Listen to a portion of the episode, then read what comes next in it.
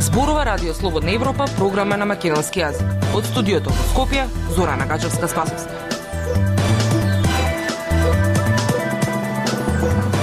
Почитувани, ја слушате саботната емисија на Радио Слободна Европа.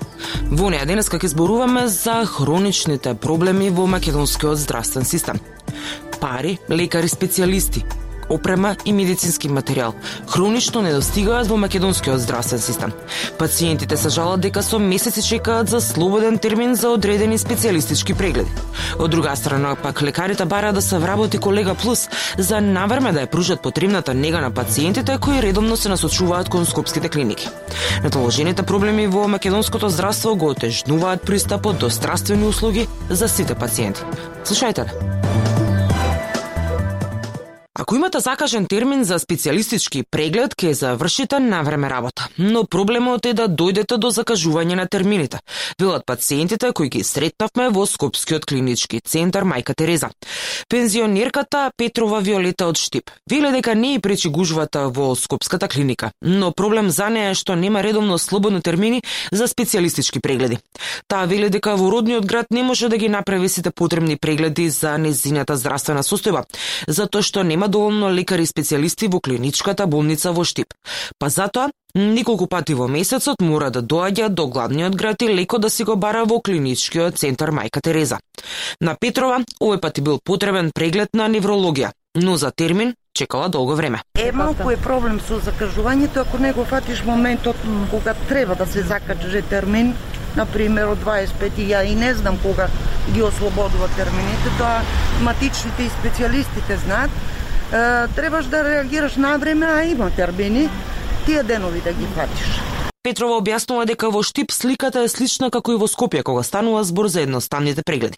Ем се чека за одредени анализи, ем тие не се целосни, па за да добија конкретна диагноза мора повторно да доаѓа до Скопје. Таму е проблем дека специјалисти и за прегледи специјалистички со термини. Тука, на пример, јас се пријатно изненадив некни по друга работа дојдов предходниот ден, а имав упат за снимање за утре. Ме примија, на пример, тај ден.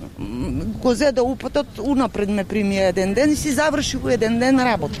Така да овие услови пандемиски и нормално е мада би требало тука да се направи пак некоја реорганизација со тие термини и персонал малку повеќе и Според податоците од системот Мој термин, за ехо на дојка нема термин, што значи дека штипјанките за тој преглед ќе мора да одат до Свети Николе, каде најрано за една недела би закажале, или пак до Скопје, каде што може само на Институтот за радиологија да го направат снимањето, но за тоа ќе треба да почекаат најмалку еден месец за слободен термин. А за одредени болести како што е ракот на дојката, еден месец може да значи многу изгубено време во битката со канцерот. И штипјаните во тој поглед се дискриминирани по место на живеење, затоа што за уролошки преглед и преглед на простата во клиничката болница во Штип нема термин, односно не се прави тој преглед. Ова го покажуваат податоците од мој термин за да си го проверат своето машко здравје. Во најкосможен рок, штипјаните мора да одат до македонски брод, а доколку се расположени да чекаат, таа здравствена услуга ќе ја добијат во Скопје за 20 дена или пак да си платат на приватно. Искуството на Штипјанката Петрова не е единствената приказна што може да се слушне во болничките ходници во Скопската клиника. Пациентите од внатрешноста имаат сериозен проблем да дојдат до специјалистички прегледи кои ги нема во нивниот град. Па покрај чекањето треба да поминат и стотина километри до главниот град само за преглед. Например, пациентите од Кочани за голем дел од прегледите патуваат или до Штип, или до Скопје. Доктор нема. доктор нема, стварно тоа е ужас. Еден хирург Јако што знам еден хирург, онака, не знам, интернист. Интернист од Виница имаше една жена, која, шо, како, а, мислам дека отиде у пензија, па дали е спремна за пензија и тоа, онака нема персонал. Персонал. Тоа е најголемиот проблем. Сега ќе барам за да ми дадат за ренген или пробиштип или Виница, значи и кај нас нема, не работи. Проблеми со закажување на термини во Скопската клиника имаат и скопјани. Негде иде брзо, негде споро иде.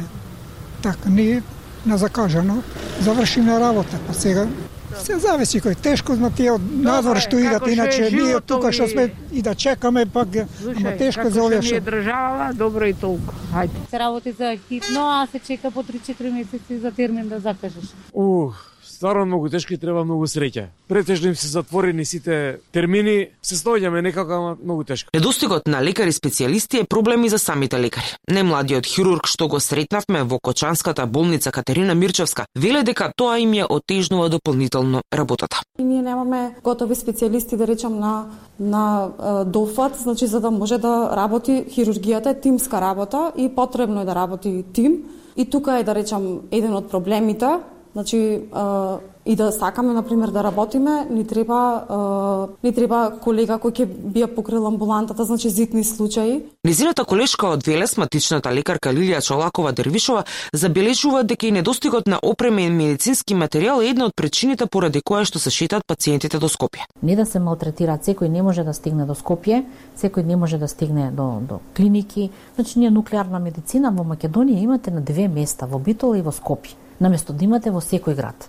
Ме разбирате, значи, а проблеми со тироидна жлезда енормно. Никој не јодира население. Имате само еве за нашиот град само ТСХ да испитате, немате антитела да испитате. Значи медицината е прекрасна наука, но треба оној кој што ја сака државата да овозможи и народот да се лекува и брзо да идеме до резултати и диагнози и брзо до терапија и санирање на проблемите. Ако некој нема можности, таа тироидна може да доведе и до оштетување, до екзофталмо, згубење на вид и тој пациент после многу повеќе ќе го кошта здравствениот систем. Но проблем се и парите. Општите болници во внатрешноста се догуша во долгови. Охридската болница веќе со месеци има блокирана сметка. Како ли ќе ги плати сметките за струја, се прашува директорот на болницата Горан Балевски. Тоа не само сметки за струја, него со оглед на целата состојба со ковид кризата, ако ви кажам дека сметките само за кислород, ево една споредба ќе направам, значи пред ковид кризата и инфективно оделение трошело една боца во текот на една година. Во која беше ковид кризата, инфективно трошеше 200 боци во еден ден. Значи тоа се огромно зголемување на, на самите сметки на општата болница во исто во поглед на дежурства, во поглед на сметките за струја и стварно е многу тешко да да се водат општите болници ако државата не дополнително не ги стимулира или не финансиски не ги покрие тие трошоци. Ние како болница тоа не можеме да го покриеме. Општата болница во Охрид минатата година не исплатила сметки во вредност од 3,2 милиони евра. Директорот Балевски објаснува дека финансиски болницата е неодржлива и не може да обстои, особено со толку доверители на врат. Должничката листа на болниците кои имаат блокирани сметки е голема. Според изворите на Радио Слободна Европа, најмалку 8 клиники и две општи болници имаат блокирани сметки од извршители. Но тие не се единствени со долгови. Сите клиники и болници за минатата година заедно должат речиси 100 милиони евра. Пандемијата со COVID-19 речиси за двојни им ги зголеми сметките на сите болници, особено на оние кои беа COVID центри и на болниците во внатрешноста.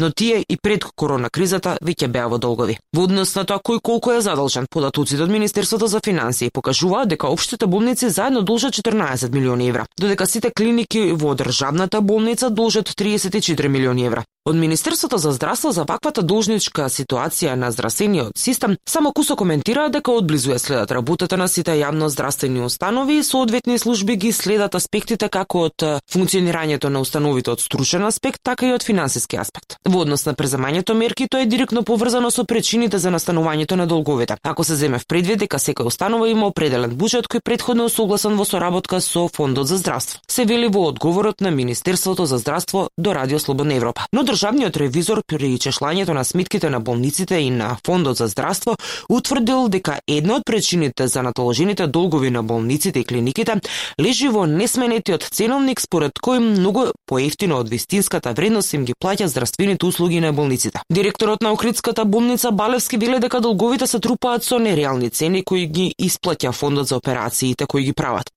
на фондо што ни ги што што ни ги рачуна на пример ево за една операција банална ќе речам ево Охрид работи која на пример бубрек да се извади фондов ни калкулира одредена сума на пари која е недоволна. Ние користе најсовремено апаратура најсовремен материјал и таа цена пошто што што е добивате е смешна. Значи, за на тој начин се праве долговите. Во општа болница Охрид се користи истиот материјал во Словенија, например. Кај нас е таа операција 60.000 денари, во странство е или во приватните болници минимум 3.000 евра, 2.000 од 3.000 евра. Тука се разликите на цените. Фондот по забелешките на ревизорот во 2018 година направил делум на промена на ценовникот и тоа за висина на инфлацијата од 2012 до 2018, односно во висина од 15%. Но докторите кои што работат во општите болници и клиниките велат дека тоа не е доволно. Па фондот наместо целосно да ги надоместува извршените здравствени услуги е принуден да обезбеди средства за целосно функционирање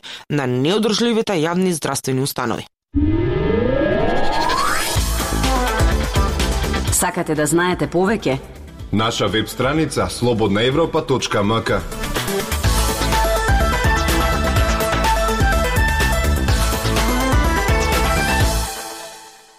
Македонија и Словенија имаат неколку заеднички работи. Пример, речи си иста територија и број на жители, но и слична поставеност на здравствениот систем. Но разликата е во тоа што пациентите во Словенија се лекуваат претежно во општите болници во нивните градови и само 20% од нив добиваат третман во клиничките центри. Зошто здравствениот систем во Словенија функционира подобро од македонскиот, ке слушнете во прилогот на Ивана Стојкова. Додека за најголем дел од здравствените услуги македонските пациенти се приморани да доаѓаат на скопските клиники.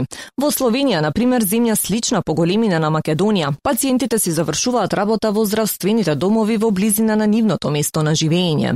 Само една петина од словеничките пациенти се лекуваат во клиничките центри, и тоа само оние кои бараат мултидисциплинарен пристап. Ова за Радио Слободна Европа го раскажува докторката Хатија Исмаили, родена во Гостивара веќе 20 години работи како гинеколог во Словенија покривена е целата земја, Словенија е мала исто како Македонија, 2 милиони луѓе, е покривена целот регион со болници. Има 14 болници, така да не е обременуван на пример као Скопје, не е обременуван Лубљана. Значи има два клинични центра Марибор и Лубљана. таму посебно иде само 20% од она што го радиме ние во маливе болници. Ваква слична поставеност на здравствениот систем има и во Македонија, но македонските лекари велат е нефункционален. Проблемот лежи во недостиг на волја, стратегија и добра организација, вели доктор Божидар Кочовски од Асоциацијата на млади лекари и специализанти. Децентрализацијата ние споменавме и ја понудивме како модел кој што би бил а, да се постави на регионални болници, значи регионализација, во која што ќе се формира неколку а, центри кои што ќе можат да обезбедат здравствени услуги а, од покомплексен тип, кои што ќе можат да интегрираат повеќе и апаратура и професионалци од различни видови области. Голем дел од македонските пациенти кои мораат да чекаат за термин на државно, одлучуваат да си платат во приватните клиники. За разлика од нив словеничките пациенти рече се сите здравствени услуги ги добиваат навремено и без врски, вели доктор Исмаили. Ако случајно јас дадам еден пациент пред редом, некој кој го познам, на пример, сега карикирам, и тоа проверуваат. Зашто? И може да плати казна јас и пациентот и мора да има добар разлог зашто е ставен пред ред. Зашто све иде компјутерски, све иде на нарачање и тоа може да го видат и пациентиве и здравствена летничка лекарска комора, Врските подаруците во плик корупцијата во здравството може да се намалат со казнување и со заштита на свиркачите, вели доктор Кочовски. Но тој лоцира и друг сериозен проблем просечната старост на лекарите кои што работат во примарната здравствена заштита е над 55 години.